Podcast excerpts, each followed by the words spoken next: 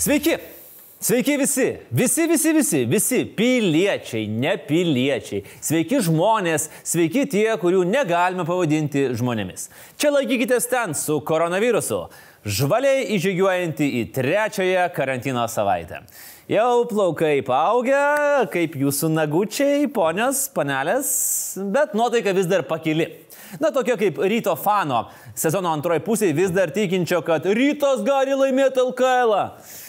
Net jeigu sezonas jau atšauktas ir nugalėtojų jau senokai paskelbtas Žalgeris. Arba kaip Katažinas Zvonkvinis. Mat su jos nagučiais tikrai viskas tvarkoj. Nu ir kur nebus tvarkoj, kai karantino metu jį lankosi nelegaliai veikiančiame grožio salone. Bet Katažinas sakė, kad buvo pas draugę pasimti vaistų. Nu dabar tai taip vadinasi.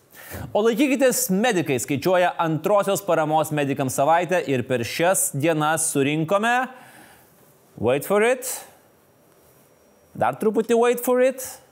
Na gerai, gerai. 1,2 milijono eurų. Jo, praėjusią laidą aš sakiau, kad 160 tūkstančių turim, tai šiek tiek skaičiai pasikeitė. 1,2 milijono. Kad geriau suprastumėt, tai ne tik 4 premjero keliukai. Tai 11 Eligijaus butelių dėžučių arba beveik 15 litrų dezinfekcinio skyščio juodoje rinkoje. Ne tik renkam, bet ir perkam, perkam, vežam, vežam, išskirstėm dešimtis tūkstančių respiratorių, šimtus tūkstančių antbačių ir kaukių. Atvažiuoja iš Kinijos dar keli šimtai tūkstančių priemonių. Įkūrėm kontrolės tarnybą, kad prižiūrėtų, jog administracija į sandėliuką ar savo mašinuką nekrautų. Žodžiu, sukomės sparčiau negu bardako barmenai penktadienio naktį. Laikai buvo, ne? Ah, prisimenu aš tos laikus, penktadienis, žmonės, Dar buvo, pamenat, dar buvo tie dideli keturkampiai pastatai, kur galėdavai įeiti ir nusipirkti visokiausių prekių. Ir dar būdavo salės, kur žmonės dainuodavo, šokdavo, netgi apsimesdavo kitais žmonėmis, o tu sumokėdavai pinigą ir žiūrėdavai. Keisti laikai buvo. Mūsų vaikai jau jų nepamena. Žodžiu, sukamės, bet medikams dar daug ko trūksta ir trūks. Tad prisidėkime prie mūsų visi drauge. Sąskaitos numerį matote apačioje. Pervesti galima ir per PayPal sistemą. Taip pat galite paskambinti jau veikiančių trumpuoju numeriu 1880. Vienas skambutis 2 eurų parama. Na dabar tokia tvarka, kad negalima vaikščioti daugiau kaip po 2, tai tegul tie jūsų 2 eurai suvaikšto teisingai. Ir dar jūs galite padėti ir Laisvės TV. Ne pinigais, Dabar pinigai reikalingi medikams. Bet prenumeruokit mūsų YouTube, paspauskit varpelį ir kažkada vėliau, ak vieną kartą pavasarį, vėl atjosim drąsiai ir deklaruodami pajamas skirkite 1,2 procento pajamų mokesčio mums. Na, o dabar, dabar trumpa praėjusios savaitės įvykių Lietuvoje ir pasaulyje apžvalga, tik šį kartą ji bus kiek kitokia. Mes puikiai matome ir jaučiame, kaip sparčiai mes imame pavargti nuo slogių naujienų, todėl šį kartą Jokio negatyvo mūsų apžvalgoj. Va, išsipildė Dovilė Šakalinės svajonės apie lygias teisės geroms naujienoms. Pradėkime. Neseniai internetuose pasirodė naujiena apie tai, kaip nuo turistų ištuštėjusioje Venecijoje nuskaidrėjo kanalų vanduo, o į miestą sugrįžo gulbės ir net delfinai. Deja, bent paskutinė naujienos dalis apie gulbės ir delfinus pasirodė esanti fake news. Na, o kur čia pozityvas klausit? Net ir gulbės ir delfinai pasirodo sažiningai laikosi karantino. Todėl laikykitės ir jūs. Dar viena gera žinia - kovos su koronavirusu fondo vadovė tapo prezidentė Dalia Grybauskaitė. Tam fondui 100 tūkstančių eurų paukojo buvę numavyčiai, dabar esami numos. Grybauskaitė su oligarchu imasi bendro reikalo. O korona, tu esi taika. Kita puikiai žinia - 93 metų moteris Pietų Korejoje ir 95 metų vyras Italijoje visiškai pasveiko nuo koronaviruso ir tapo vyriausiais įveikusiais COVID-19. Na, šis rekordas bus tikrai vienas trumpiausiai gyvenusių ir netrukus išgirsime apie šimtamečius italus, kurie pasakys Hold My Prosecco ir mūsų ilgamžių senukus, kurie pasakys palaikyk mano bobelinę. Senukai sveiksta ir Lietuvoje. Po nemenko komunikacinio šitstormo ir moralinės krizės dėl sprendimo sustabdyti mokėjimus tiekėjams, kompanija tikrai nekukliai ėmė prisidėti prie kovos su pandemija. Ir pinigais, ir logistika, ir prekiamis. Galbūt šitoje šalyje ir yra vietos senukams, kaip pagalvoju. Ypač jeigu medikai turės priemonių juos gydyti. Mokslo inovacijų ir technologijų agentūra skelbia inovatyvių idėjų konkursą ir teiks prioritetą inovacijų projektams susijusiems su COVID-19 viruso ir krizės suvaldymu. Projektui bus skiriama apie 50 tūkstančių eurų. Nu, va čia tai jau mes matom galimybę rankelės pasišildyti. Laisvės TV inovacijų skyrius iš karto, matai, va, mygam, va, op, op, op, op, op, pašaudėm keletą inovatyvių idėjų, atsiuntėm mitai ir jau norim pinigų. Pirmas, pavyzdžiui, programėlės TripAdvisor atnaujinimas atnaujinimas, po kurio apsas duoda tik tai vieną kelionių patarimą - likit namie. Antras. Programėlė CityB Home. Nori pasimti CityB automobilį, apsas neduoda. Rekomenduoja geriau likti namie. Programėlė Amazon, kaip Amazon, galit pirkti, ką norit, nu bet niekur neikit. Būkit geri. Beje, laukiam, kai Maxima atidarys savo internetinę parduotuvę, kuri vadinsis Numazon. Programėlė Dabarbora parodo, kada yra artimiausias laisvas Barboras pristatymo langas. Nu, pavyzdžiui, aš pasitikrinau ir dabar tai yra 2022 m. vasario 18 diena. Programėlė Umer. Nesilaikai karantino, čiaudint žmonių, laižai turėklus, o neužilgo tu jau Umer vartotojas. Net nereikia siūstis apso. Dar programėlė Karantinder. Pažinčių programėlė susieta su online testu dėl koronos. Vienas swipas ir tu jau žinai, ar mečini ir gal net neverta jau gaišti laiko, nes jo ir taip nedaug. Lietuvių robotikos kompanija Rubedo sistemos kūrė unikalų pasaulyje dezinfekcinį robotą, kuris padės kovoje su COVID-19. Mūsų robotas turi daug pranašumų lyginant su konkurentais, nes jos kleidžiami garai prasiskverbia net į mažiausius patalpos ar įrangos tarpelius, kuriuos sunku pasiekti. Nu, arba kitaip tariant, jis yra dezinfekcinių robotų Rita Miliūtė. Kita gera žinia - Lietuvoje didėja testavimo apimtis. Nuo šiol bus tyriami visi medikai ir visi vyresni nei 65 metų amžiaus, kuriems pasireiškia simptomai. Na ir turbūt turėsime tuos atvejus, kai 64 metų žmonės pradės labai laukti savo šiam penkto gimtadienio. Viena įspūdingiausių pozityvių žinių, kai filmuojame šią laidą, iš Kinijos jau pakilo ir gal net leidžiasi lėktuvas į Lietuvą gabenantis daugiau nei 300 tūkstančių testų ir reagentų. Na ką, viruse? Seniai testų nebuvo. Ir turbūt įspūdingiausia žinia iš Lietuvos - bendrovės Thermo Fisher arba lietuviškai šiltojo žvejo padalinys Vilniuje gamins COVID-19 reagentus. Testas Amerikoje buvo patvirtintas tik kovo 13. Tai reiškia, kad Lietuva bus viena pirmųjų pasaulyje gavusių prie jų prieimą. Na, čia yra maždaug taip pat gerai, kaip vienam pirmųjų pasaulyje gauti naujausią knygą apie Harry Potterį. Tiesiai iš Rowling rankų. Sistemai pilnai veikiant bus galima atlikti iki 2000 testų per parą, tad galėsim kas minutę žinoti, kad skvernelio testas vis dar yra neigiamas. 2000 testų per parą - čia yra medicininė realybė, anksčiau tai buvo dėstytojo lietuviškam univerė košmaras. Dar viena teigiama naujiena. 23 metams kalėjimo už seksualinius nusikaltimus nuteisto Hollywoodo režisieriaus ir producerio Harvey Weinsteino koronaviruso testas buvo teigiamas. Ir tai vienintelis teigiamas dalykas, kurį išgirdome apie Harvey per pastaruosius porą metų. Kas nežinot, Weinsteinas yra toks amerikietiškas pūkas, pakeltas kubu ir padaugintas iš 23. Ir paskutinė pozityvi naujiena. Šiuo metu, kai mes filmuojame laidą, nuo koronaviruso visame pasaulyje jau yra pasveikę 118 tūkstančių žmonių. Kai jūs mus žiūrit, pasveikusių yra dar daugiau. Bus dar visko, bet galų gale mes nugalėsim. Jei netikit manim, patikėkit Šiaulių merų Artūrų Visocku, kuris panašu, kad eventualiai bus teisus. Na, o dabar šokam prie pagrindinės mūsų laidos temos. Šokam skubiai kaip premjeras darytis testo, kuris nors ir netitiko sąlygų testavimui, bet buvo patikrintas. Perfrazuojant patį premjerą, kai kurių lyderių net lyderiais negalima pavadinti. Nors, žinot, meluoju. Galima ir jūs ištestuoti, jei tik norit. Yra tik viena sąlyga. Jūs turite būti negyvas. Būtent tai buvo atliktas testas pirmai Lietuvoje nuo koronaviruso mirusiai moteriai. Po mirties. Geriau vėliau, negu kai pasireiškia simptomai. Ok, praėjo dvi savaitės karantine. Čia daug ar mažai? Dvi savaitės su šeima uždaroje erdvėje? Daug. Dvi savaitės šalyje su prezidentu be stuburo? Mažai. Nes, pavyzdžiui, Nausėda be stuburo gyvena jau 54 metus ir nieko. Tiek metų sėdimą darbą dirba ir jokių problemų su nugara. O mes sugebėjome prisitaikyti. Karantine išmokame dėvėti kaukės, net kai einame išnešti šiukšlės. Kad ten kaukės, mes išmokame dėvėti apsauginius kostiumus.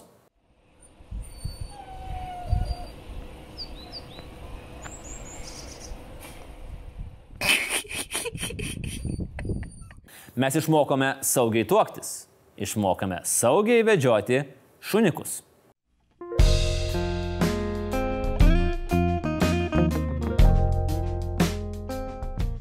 Na arba dar taip.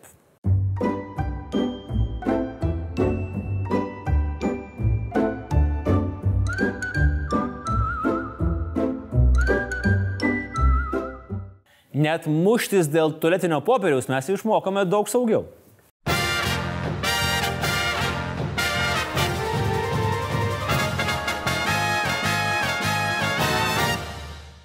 Išmokome viską dezinfekuoti.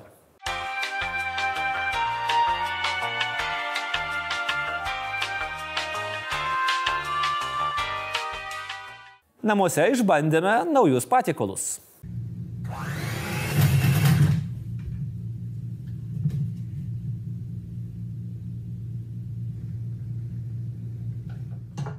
ir atradome neatrastą gamtą.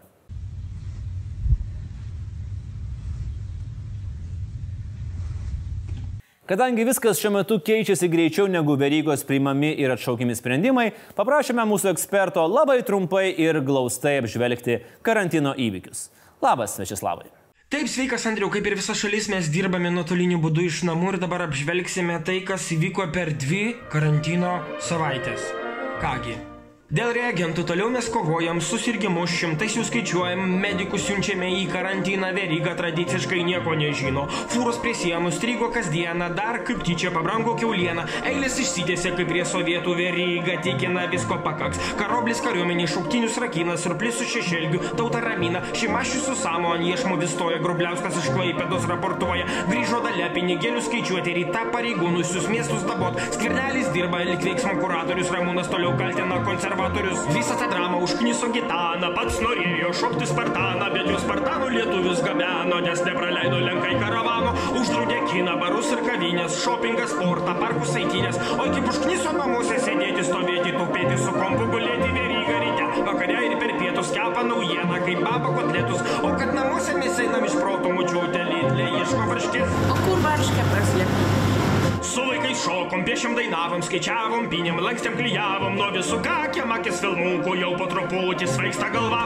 Netflixo turinį jau įpusėjom, vestuvių albumą, tris kart žiūrėjom, vaikystės nuotraukom pasidalinom ir nuodėmės kunigui siuntėm piem. Medikam plojom, lėšas aukojom,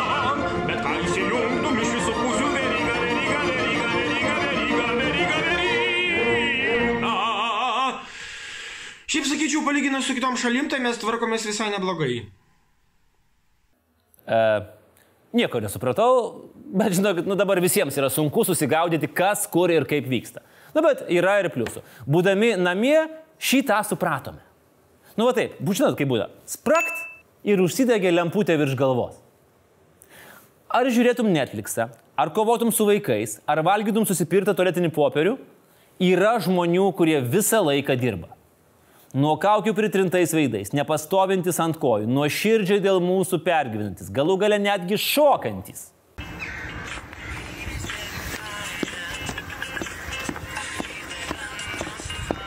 Ir netgi sprendžiantis konfliktus.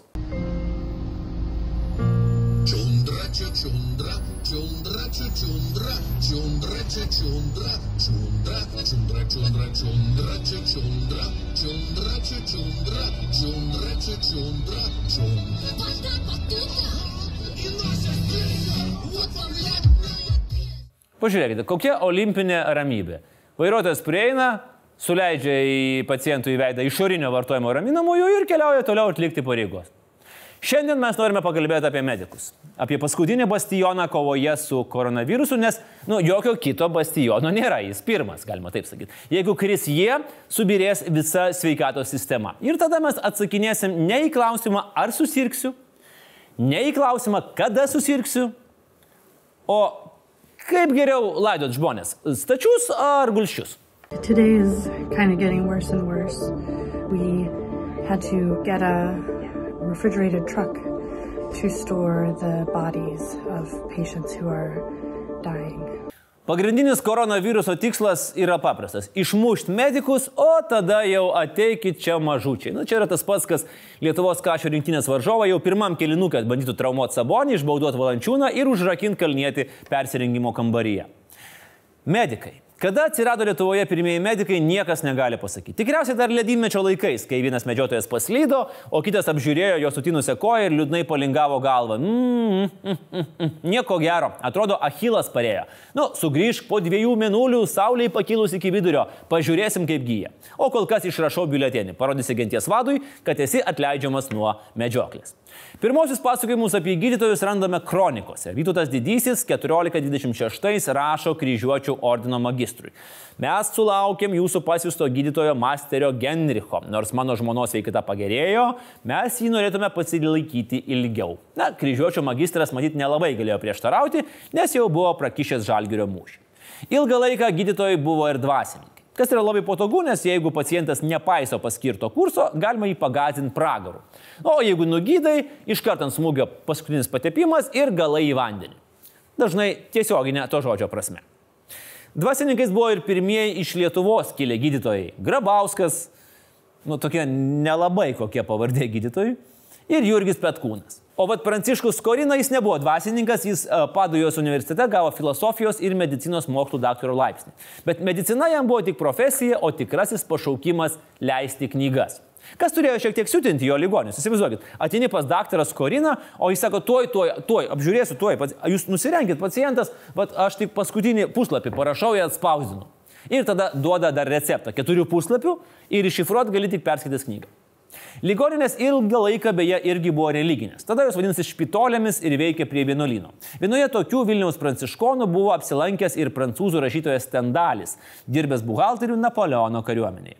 Kadangi žinių apie jo lygą neišliko, darom išvadą, kad Stendalis tikrino, ar neprapuolė bintai iš sandėliuko. Civiliniai gydytojai ėmė gausėti po šiem trečių sukilimo, kai caro iš baudžiavos išlaisvinti valstiečiai ėmė turtėti ir leisti į mokslus vaikus.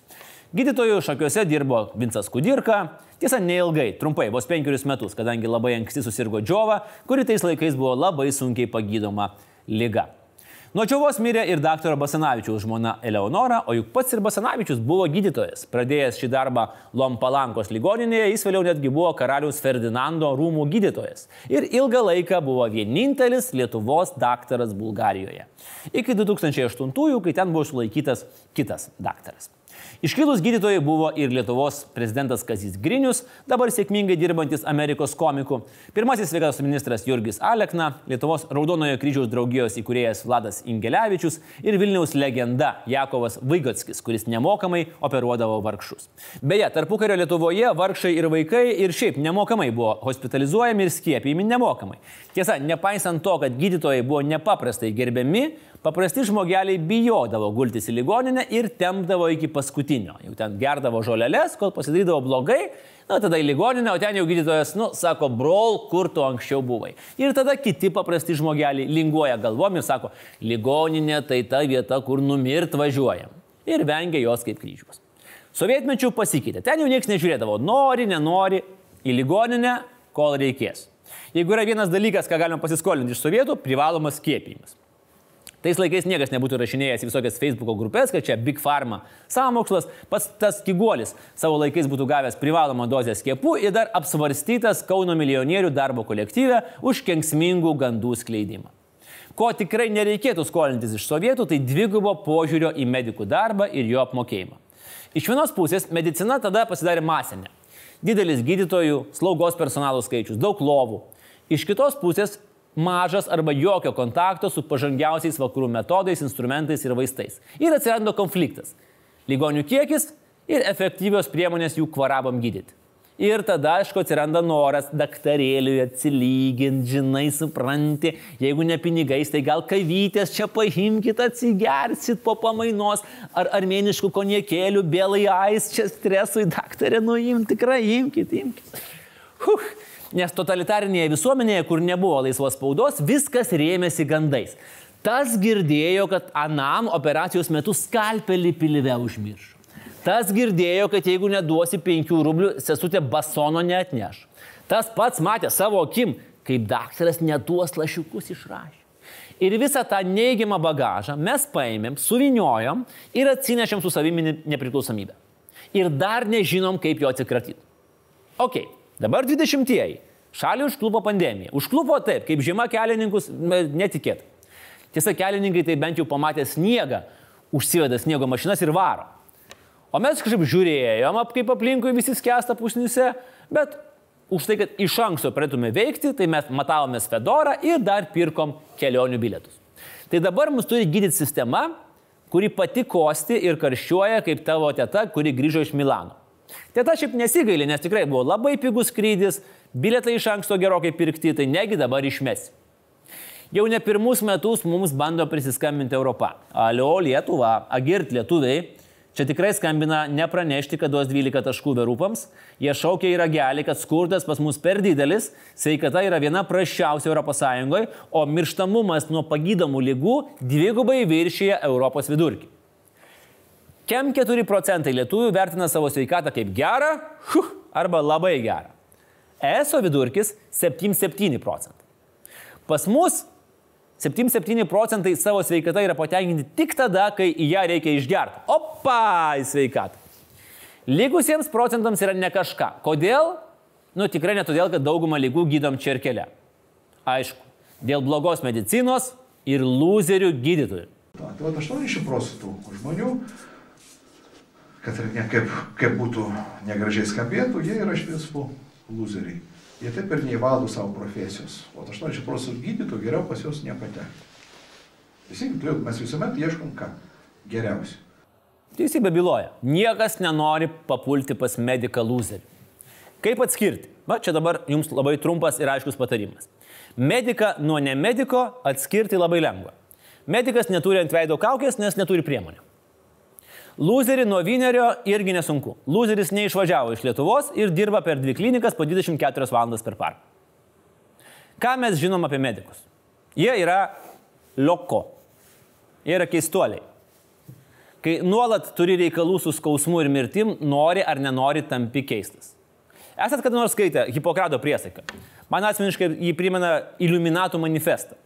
Visas mano gyvenimas tebūnie skirtas tarnauti žmonijai net ir verčiamas, nieku gyvų nesutiksiu, kad mano medicinos žinios būtų nukreiptos prie žmoniškumą. O važiuokit, paradoksas. O kaip dabar dėl tų žmonių, kurių premjeras negali pavadinti žmonėm? Kaip dabar juos gydyti? Tai dabar jau gausis apie nežmoniškumą priesaikas, suprant? Bet žinai, sunku kalbėti apie žmoniškumą, kai būsimus gydytojus jau nuo univero atokiau laiko nuo paprastų žmonių. Nu, prisiminkim savo studentavimo laikus. Tu įstoji į vadybą. Tūsini, medikas mokosi. Tu po ketverių metų baigi mokslus, svarstai, ką čia toliau veikti. Medikas verkia, bet mokosi.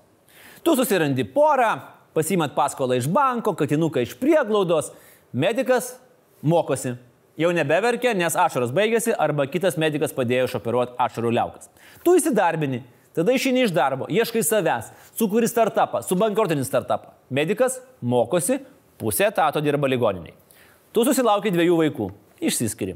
Medikas jau rezidentūrai. Tau virš 40. Apkeliavai pasaulį, pakeitėjai tris darbovietės, mokė alimentus, turi būto paskolą, lizinginį automobilį. Medikas pagaliau parsisinčia Tinderį. Bet kadangi dirba per tris skirtingas ligoninės, o pamaina trunka 16 valandų, tai nespėja svaipinti. Ir labai gerai, kad jie tiek mokosi.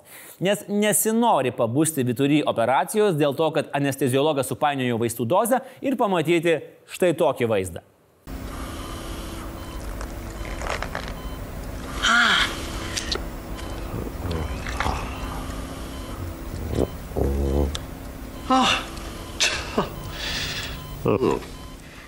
Man atrodo, medicinos programoje yra dar tokia paskaita kaip kankinimo menas, subtilus. Negaliu kitaip paaiškinti, kodėl atėjus pas daktarą dėl skausmo šone, pirmą, ką jis padaro, tai paspaudžia kuo stipriau. Skauda. O jeigu taip, taigi aš sakiau, kad skauda. Kodėl tu manim netiki? Aš dėl to ir atėjau. O žinot, kaip atrodo operacija gydytojo akimis, kol jūs saldžiai mėgat ant staliuko. O taip. Yeah, I'm cutting him. I'm cutting him, cutting him. Okay, okay, okay. Oh, no, no, no, go. No! Sir, I am sorry. Please do not sue the hospital for this. Ačiū. Nors, aišku, aš žinau, kad tai yra simulatorius, bet vis tiek žiūri ir skauda. Nu, o odontologija? Mm -hmm. Mokslas paremtas viduramžių inkvizicijos modeliu, tik tai įranga modernesnė. Metodai tai, tai tie patys. Tu guli jų kėdėjai, visiškai beginklis, bejėgis, įsikibęs į ranktorius, išsižiojęs, burna pilna feilių, o jis kačneka su tavim, kačneka, kad pasakoja, kad klausinėja visko. Rimtai. Nu ką aš tau galiu atsakyti? O žinote, kas yra didžiausia gyvenimo laimė? Aš jums pasakysiu, kas yra didžiausia gyvenimo laimė. Kai odontologas tau sako, dabar biškis skaudės ir neskauda. Karantino metu odontologai yra ypač pavojingi, nes jie pacientams gali tiesiai į burną įvaryti karūnėlę. Ar pastebėjote, kad dažniausiai medikai tuokėsi su medikais ir kūrė medikų šeimas ir dinastijas? Nes pripažinkit, sunku susirasti kitą tokį patį lioko poko žmogų. Tik medikai pokalbėje gali šalia dėti tokius žodžius kaip kepenų cirozė ir koks gražus atvejis. Arba su šypsena pareikšti, kad jums gerybinis galvos auglys. Ta prasme. Auglys geram kontekste gali skambėti tik su priešdėliu pa. Ir tai dažnai jis bus piktybinis. Gydytojai yra kaip dievai. Jie pasitinka mūsų šiame pasaulyje, prižiūri visą gyvenimą ir palydi iš jo. Jeigu nepaisysit karantino, tikėtina, kad prie paskutinio punkto prieisit daug anksčiau negu norėtumėt. Bet dabar rimčiau. Nors iš šalies medikai mus dažnai baugina, aš atskleisiu jums paslapti. Jie irgi žmonės. Taip, savotiški, su labai juodu humoro jausmu, bet žmonės. Žmonės, kurie darbe susiduria su galybė sunkumų. Viena iš viešų paslapčių - mobbingas. Arba visuomenėje dar žinomas kaip dušinimas. Taip, taip, tiesioginė prasme. Spauda nuolat pasiekia medikų, slaugytojų laiškai apie toksišką darbo aplinką. Darbo vietoje sudina debilais, kurie nieko nesugeba. Už nepaklusnumą grasina mažinti algas, tarsi dar būtų kur mažinti pažeminti pareigose, išsiųsti į labai sunku skyrių arba atleisti iš darbo. Arba darbais jau išvadina daržovių pavadinimais. Aš sutinku. Aš irgi pykčiau, jeigu mane vadintų daržovė. Va, pavyzdžiui, ministrą prezidentai vadina gyvūnų vardais. Nu čia kitas reikalas. Čia toksai, o, kaip miela. Ligoninių direktoriai tik stebisi. Va, tai viskas pas mus yra gerai. Aš neįsivaizduoju, kas, kas jums taip galėjo pasakyti. Bet žinot, pas vadovus ligoninėse visada viskas būna gerai. Na, nu, kaip Černobilyje. Not great, not terrible. Reikia pripažinti, kad tikrai yra Lietuvoje ligoninių, kurių vadovai, kai sprogo Černobilis, jau buvo tų ligoninių vadovai. O kaip gerai tie direktoriai meluoja, mes įsitikinam savo kailiu. Mes per dieną gaunam daugybę laiškų su prašymais parūpinti apsaugos priemonės per aplinkui. Ir čia visiškai rimtai. Administracijai nematant. Čia kaip vaikystėje, kai močiutė duodavo jums pinigų. Na, kaip jums? Tėvams, kad jie jums perduotų. Tai kiek kartų tos pinigus gaudavot? Aha, va, va. Na, bet apie tai vėliau. Ir visi medikai prašo išlikti anonimais, nes nėra ten žodžio laisvės. Niekai. Šnekėsi per daug, lėksi von. Skūsės, lėksi von. Visi stebėjomės, kaip valdžia Kinijoje nuslėpė susirgymų mastus ir užčiaupė medikus. Tai Kinija tik tai žemėlapyje yra toliau. Galvelėse? Uf, kaimynai. Apie įtampą ir psichologinės problemas ligoninėse garsiai pradėjome kalbėti po jauno gydytojo savižudybės. Problemų daug, jos rimtos. Nepalūšti reikia turėti geležinius nervus ir tokią kaulinę struktūrą, kurios šiuo metu neturi mūsų valstybės vadovas. Atmosfera ligoninėse švelniai tariant ne pati romantiškiausia, pacientai ne patys maloniausi. Dideli darbo krūviai, atsakomybė. Kai užkrauni viską ant vienų pečių, gauni išsekusi, palaužtą ir paskendusi depresijoje mediką. Bet kalbėti apie tai iki šiol yra stigma. Nes jeigu tu turi psichinės sveikatos problemų, pagal normas tu gali prarasti licenciją. Visuomenės tolerancijos trūkumas medikų klaidoms yra didžiulis. Aš gerai, tai natūralu. Aš irgi netoleruočiau, jeigu vietoj plaukų persodinimo man padidintų krūtinę per klaidą. Medikas yra žmogus, medikas gali klysti. Taip suklydo chirurgas Žilvinas Saladžinskas, kuris dėl komplikacijos operacijos metu prarado pacientą. Taip suklydo ukmergės ligoninės daktaras, grįžęs iš kelionės ir nepajutęs simptomų, nuėjęs į darbą ar jis turėjo pasirinkimą neiti. Viename iš laiškų rezidentas skundžiasi, kad netgi su temperatūra ir simptomais jam netliekamas testas ir teoriškai jis turi pasirodyti darbe. Eiti ar neiti, kur šekspyriškas klausimas Lietuvos medicinoje. Ukmergės ligoninėje dabar 240 darbuotojų sėdi izoliuoti. Dirba vienas daktaras, jau dvi paras. Niekas jam matyti nepasakė, kad jau reiktų sustoti. Markas Wahlbergas jau ruošiasi filmui apie šitą daktarą. Lone Survivor. Hero of UK Merge. Based on true story. Dar viena problema - maži atlyginimai. 17 vidutinis gydytojų užmokestis buvo 1368 euro. Slaugytojų 758 ant popieriaus. Veryga viešai žadėjo, kad 20 tai kai auks, iki 3200 gydytojams, iki 1,6 slaugytojams. Tai, spoiler alert, nepaaugo. Kai kurie gydytojai iki šiol gyvena nuo algos iki algos, o atostogauti eina į balkoną. Ir čia ne karantino metu. Mes tikimės tokios sveikatos apsaugos kaip Norvegijoje, o mokėt blemba norim kaip Kinijoje arba Egipte. Ir dar geriau, jeigu galima atsiskaityti saldainiais ir pigių putojančių vynų. Žadėjo 20 procentų didinti darbo užmokesčio fondą. Ok, tai tikrai nėra tie pinigai, kurie motivuotų dirbti aukščiau išvardintom sąlygom. O tai ką daryti? Kaip sustabdyti jaunus specialistus nuo migracijos? Rubrika Klauskite premjero. Dabar išėjus, net aš, na, klausiu, sakykime, kokias, na, ką čia gero pasakė, kokios bus uh, prognozijas rezidentam ir panašiai. Aš nieko absoliučiai naujo negalėsiu pasakyti. Ir kad žmonėm pasakyti, na, likit čia, žinokit, bus, bus gerai, kažkas vyksta, aš negaliu. Pasakykit, išvažiuokim. Tai jau tikrai, važiuokit, nors ir dabar. Ha, ne ką, negalit? Ai, ai, ai, ai, ai. Vienas virusas ir bum, niekas niekur nevažiuoja. Bet jeigu jauni ir talentingi gydytojai emigruos, kas juos pakeis? Kas? Nu, aš. Aš galėčiau. Naglumo turiu, dainuot nemoku, bet ant scenos lipu, tai yra į operacinę galiu varyti. Va, žiūrėkit, va. Kaukę turiu, pirštinės turiu, telefonę pasileidžiu YouTube how to ir ateik čia apendicite. Dar daktarų galėtų būti Haroldas Matskevičius. Jo iš pradžių toks planas beje ir buvo. Bet jokinga būtų tik tada, jeigu šalia stovėtų Romanauskas su Šapausku. Dar galėtų poliklinikoje dirbti Dainius Adomaitis. Jis būtų tas, kuris išklauso pacientų nusiskundimus ir visiems sako tą patį. Jūs juokaujat, blėt. Daktaru galėtų tapti ir daktaras, tas jaunesnis. Nu, bet tada greičiausiai pacientus priiminėtų bagažinėje, kurį vežiotų švinius. Nu, kas dar? Selas, jis galėtų visus virusus padaryti morališkai ir belenkai.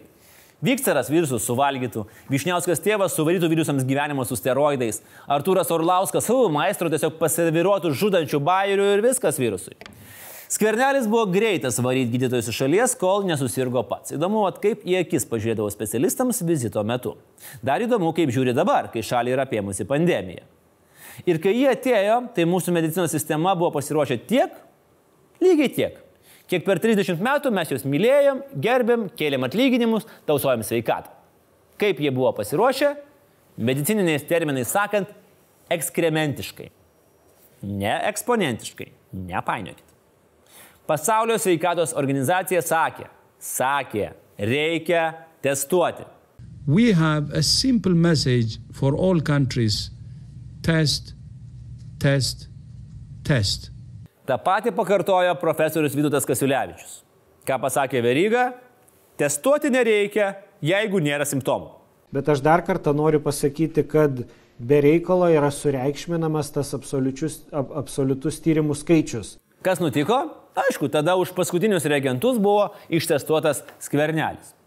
Medikai visame pasaulyje maldavo likti namuose. Ką padarė Seimo narys Dainius Kepenis? Vienintelis vaistas e, nuo šitos bėdos, kuri čia mūsų užgriuvo, tai yra savizolacija. Tuo pagrindu šiandien aplankiau visas keturias Klaipėdos ligoninės, susitikau su vyrgydytojais, su ligoninių vadovais, Aplankė keturias ligoninės ir raportavo, kad viskas ten gerai. Žuvis kartais puva ne tik nuo galvos, bet ir nuo kepenų. Sužinojęs apie šitą filmuką padarytą rytos miliutės, kepenis norėjo jį pasižiūrėti. Ateina, o žiūri, o filmukas tai patreonams. Norintys save pažiūrėti greitai reikia sumokėti 2 dolcus. Tai dainiau, aš jums sutaupysiu 2 dolerius. Ten yra filmukas apie Seimo narį, kuris nenamie sėdi, o kaip neskėpytas varinėja po ligoninės.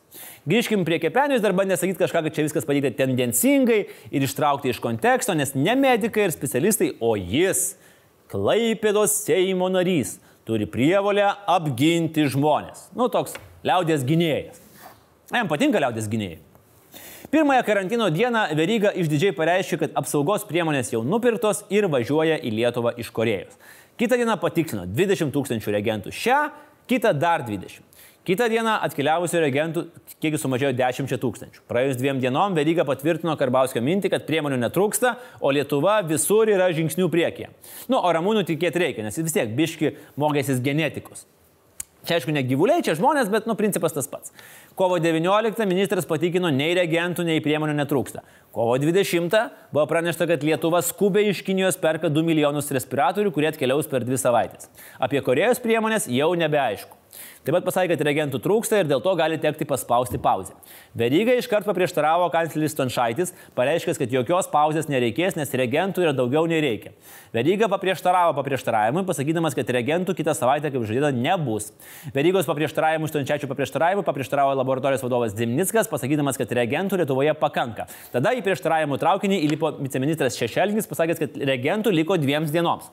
Kitą dieną užtrimitavo Grubliauskas, Klaipėdos meras, pareiškęs, kad dėl reagentų stygiaus uždaromas mobilusis patikros punktas. Na, bet pagaliau filmavimo dieną mus visus nuramino premjeras, pasakęs, kad jau pakilo lėktuvas su 300 tūkstančių reagentų. Gerai, gerai, gerai, gerai, tikrai gerai.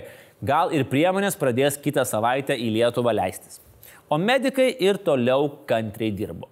Ir toliau jų kantrybė po truputį seko.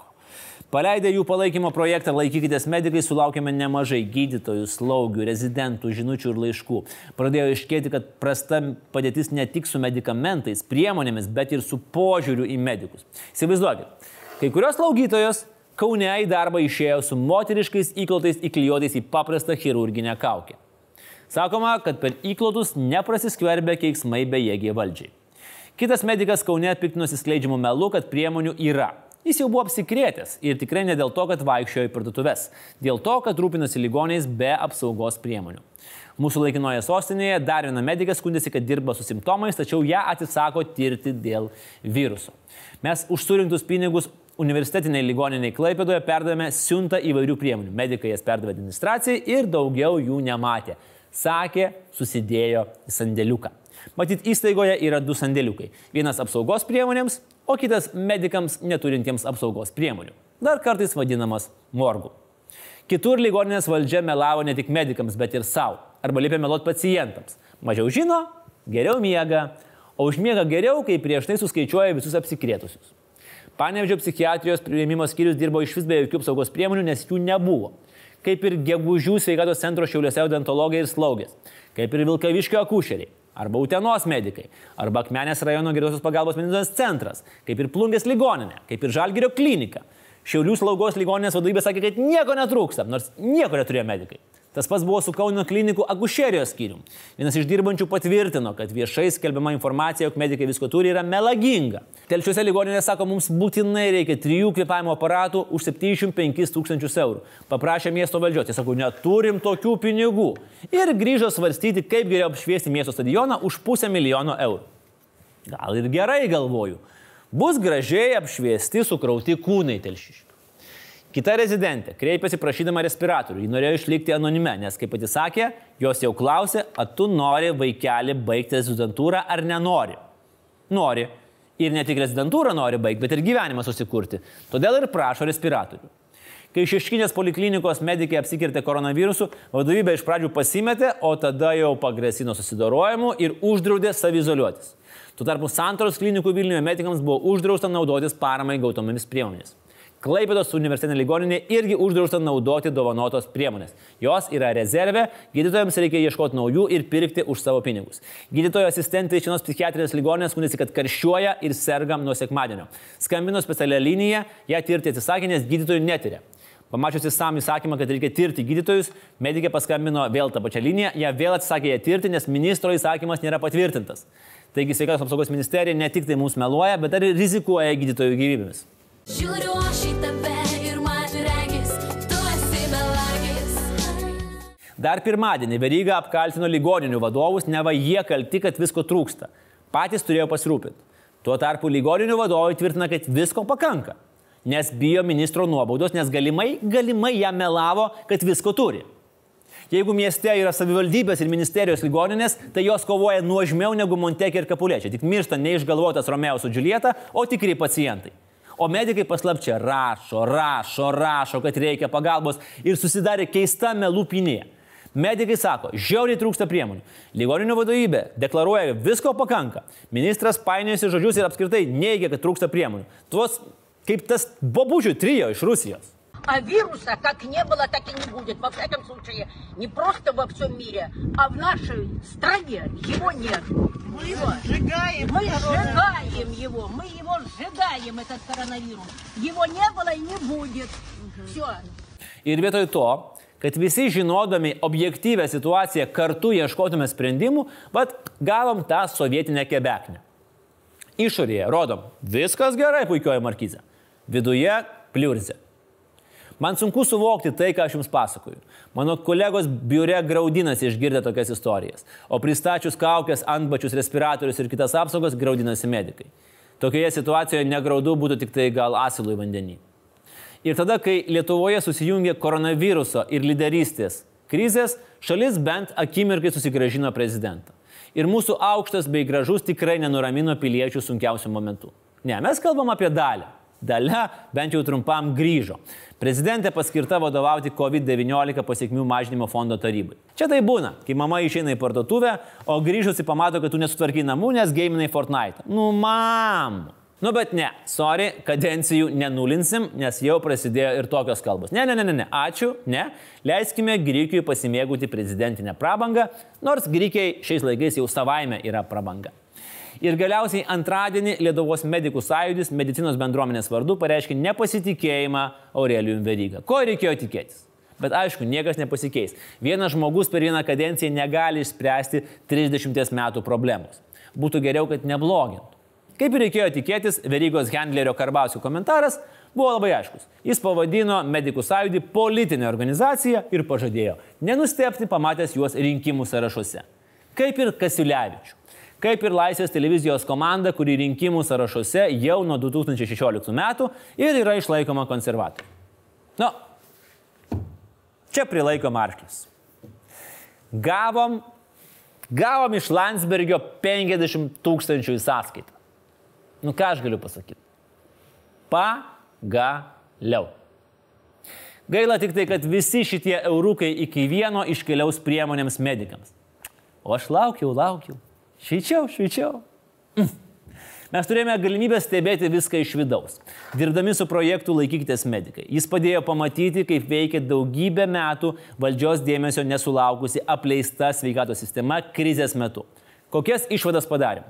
Tai, kas vyksta ligoninėse ir tai, kas sako Veryga, skiriasi kaip arklys ir asilas. Ministerija meluoja arba nežino, dangsto tiesą, painiuosi savo žodžiuose ir nekontroliuoja krizės komunikacijos. Veryga gali kalbėti, ką nori, bet faktas aiškus - medikams šiauriai trūksta priemonių. Gal net labiau nei krizai gero vadovo.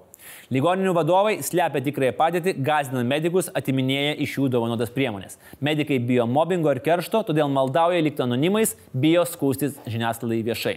Dabartinė krizės valdymo grupė nesugeba tinkamai užtikrinti medikų apsaugos, medikų netarė ir išleidžia į karą be ginklų. Ir turbūt baisiausia vis tiek, kad medikai nekalba viešai. Visi prašo anonimiškai. Mes nusprendėme duoti jiems pakalbėti pasislėpus už medicinės kaukės, bet medikai pasakė, kad vis tiek nori likti anonimais ir paprašė atiduoti kaukės. Tai mes jam davėm kaukę, jį pasimėm komiką. Hei, kaip karantinas? Ilgas ir nuobodus, ne? Visai kaip mūsų prezidentas. A, Sveiki, sveiki. Aš žinokit, aš iš tikrųjų buvau medikas. Turiu netgi visą aprangą pasilikęs. A, Buvau medikas, bet nusprendžiau tapti komiku. Nesistebėkit. Juk ne pirmas toks atvejis Lietuvoje, kai medikai tampa komikais. Veryga, Klausėt, kodėl tapau komiku? Vaikai numirė, nebėra ką veikti namie.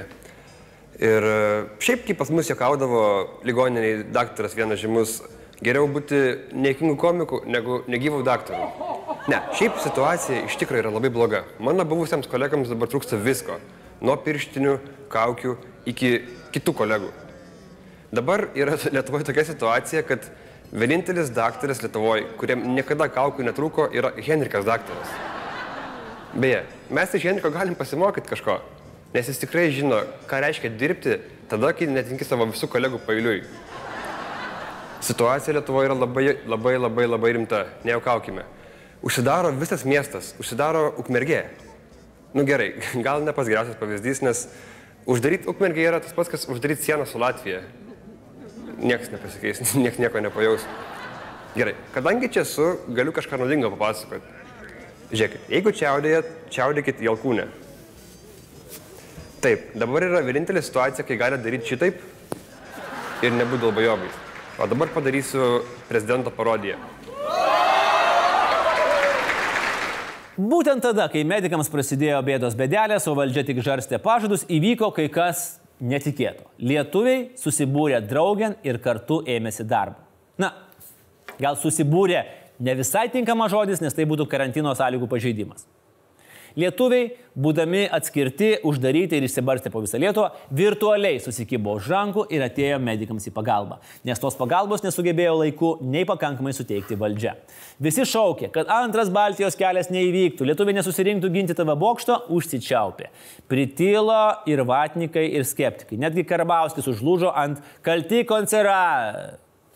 Dizaineris Karinkinas iš HEPA filtrų pradėjo siūti daugiau nei 200 tūkstančių medicininių kaukių. Restoranai ir barai supuolė medikus maitinti. Coca-Cola ir Neptūnas juos girdyti. Privačios klinikos pasiūlė savo patalpas ir resursus. Privatus darželiai paėmė medikų vaikus, kol tie dirba. Mototoja nemokamai davė medikams automobilių. Verslai nupirko brangių plaučių ventiliatorių. Huawei ir Kinijos rūmai Lietuvai padovanojo 20 tūkstančių medicininių kaukių ir 120 tūkstančių porų pirštinių. Yra pliusų, kai tavęs klausosi Kinijos saugumas. Net konservatoriai sustabdė savo rinkiminę kampaniją ir už sutaupytus pinigus nupirko 2500 respiratorių. O tada apie tai visiems garsiai pranešė, tokiu būdu vėl paleidė savo rinkiminę kampaniją.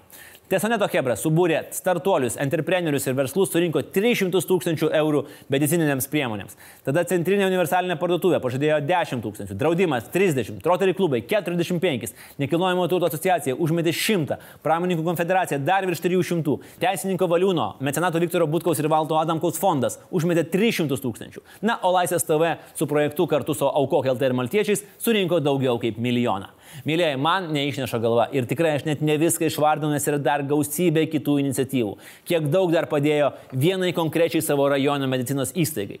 Sunku žodžiais išreikšti, kokie esate nuostabus. Verslai, verslininkai, savanoriai, startuoliai, tiesiog paprasti šaunuoliai visi iki vieno prisidėjot. Net jeigu padovanojo tik vieną respiratorių, net jeigu perdėt tik vieną eurą, vis tiek esat fantastiški. Beje, tarp milijono mūsų projekto lėšų atsirado ir 5000 eurų, kuriuos paukojo Viktoras Uspaskich ir jis dar užsakė 10 tūkstančių testų. Mes žinoma neatsimam nei vieno apie jį pasakyto žodžio savo laidose, bet šiaip respektas, tu mūsų vibracinį virusų valgytojų. Duokit man to viruso, aš galiu suvalgyti jį. Niekada nebus. Nes mano vibracinis dažnis kitoks. Respiratorius nubirtus už tos pinigus planuoja mėtyti žmonėms iš skrendančios raiktasparnių. Aš žinau, Dar trūksta milijono kito, bet mes jau dabar viršijom visus rekordus mano galvoj. Ir ši krizė pasibaigs, kai pasibaigė visos krizės. Mes grįšim į barus, mes apkabinsim seniai nematytus draugus, mes vėl keliausim. Tai ne pirmas smūgis žmonijai. Žmonija to ir ypatinga, kad net pargriauta ir aplamdyta visada atsistojant kojų. Atsistos ir dabar. Ir kai viskas bus gerai, mes prisiminsim savo herojus tiek visas jėgas atidavusius medikus, tiek sąmoningus piliečius, tiek socialiai atsakingus verslus. Mes prisiminsim, kad tada, kai buvo sunkiausias metas, buvo tokių, kurie nebėgo, o liko kovoti. Mes padarysim viską, kad verslai, kurie liko kovoti, klėstėtų ir būtų sėkmingi.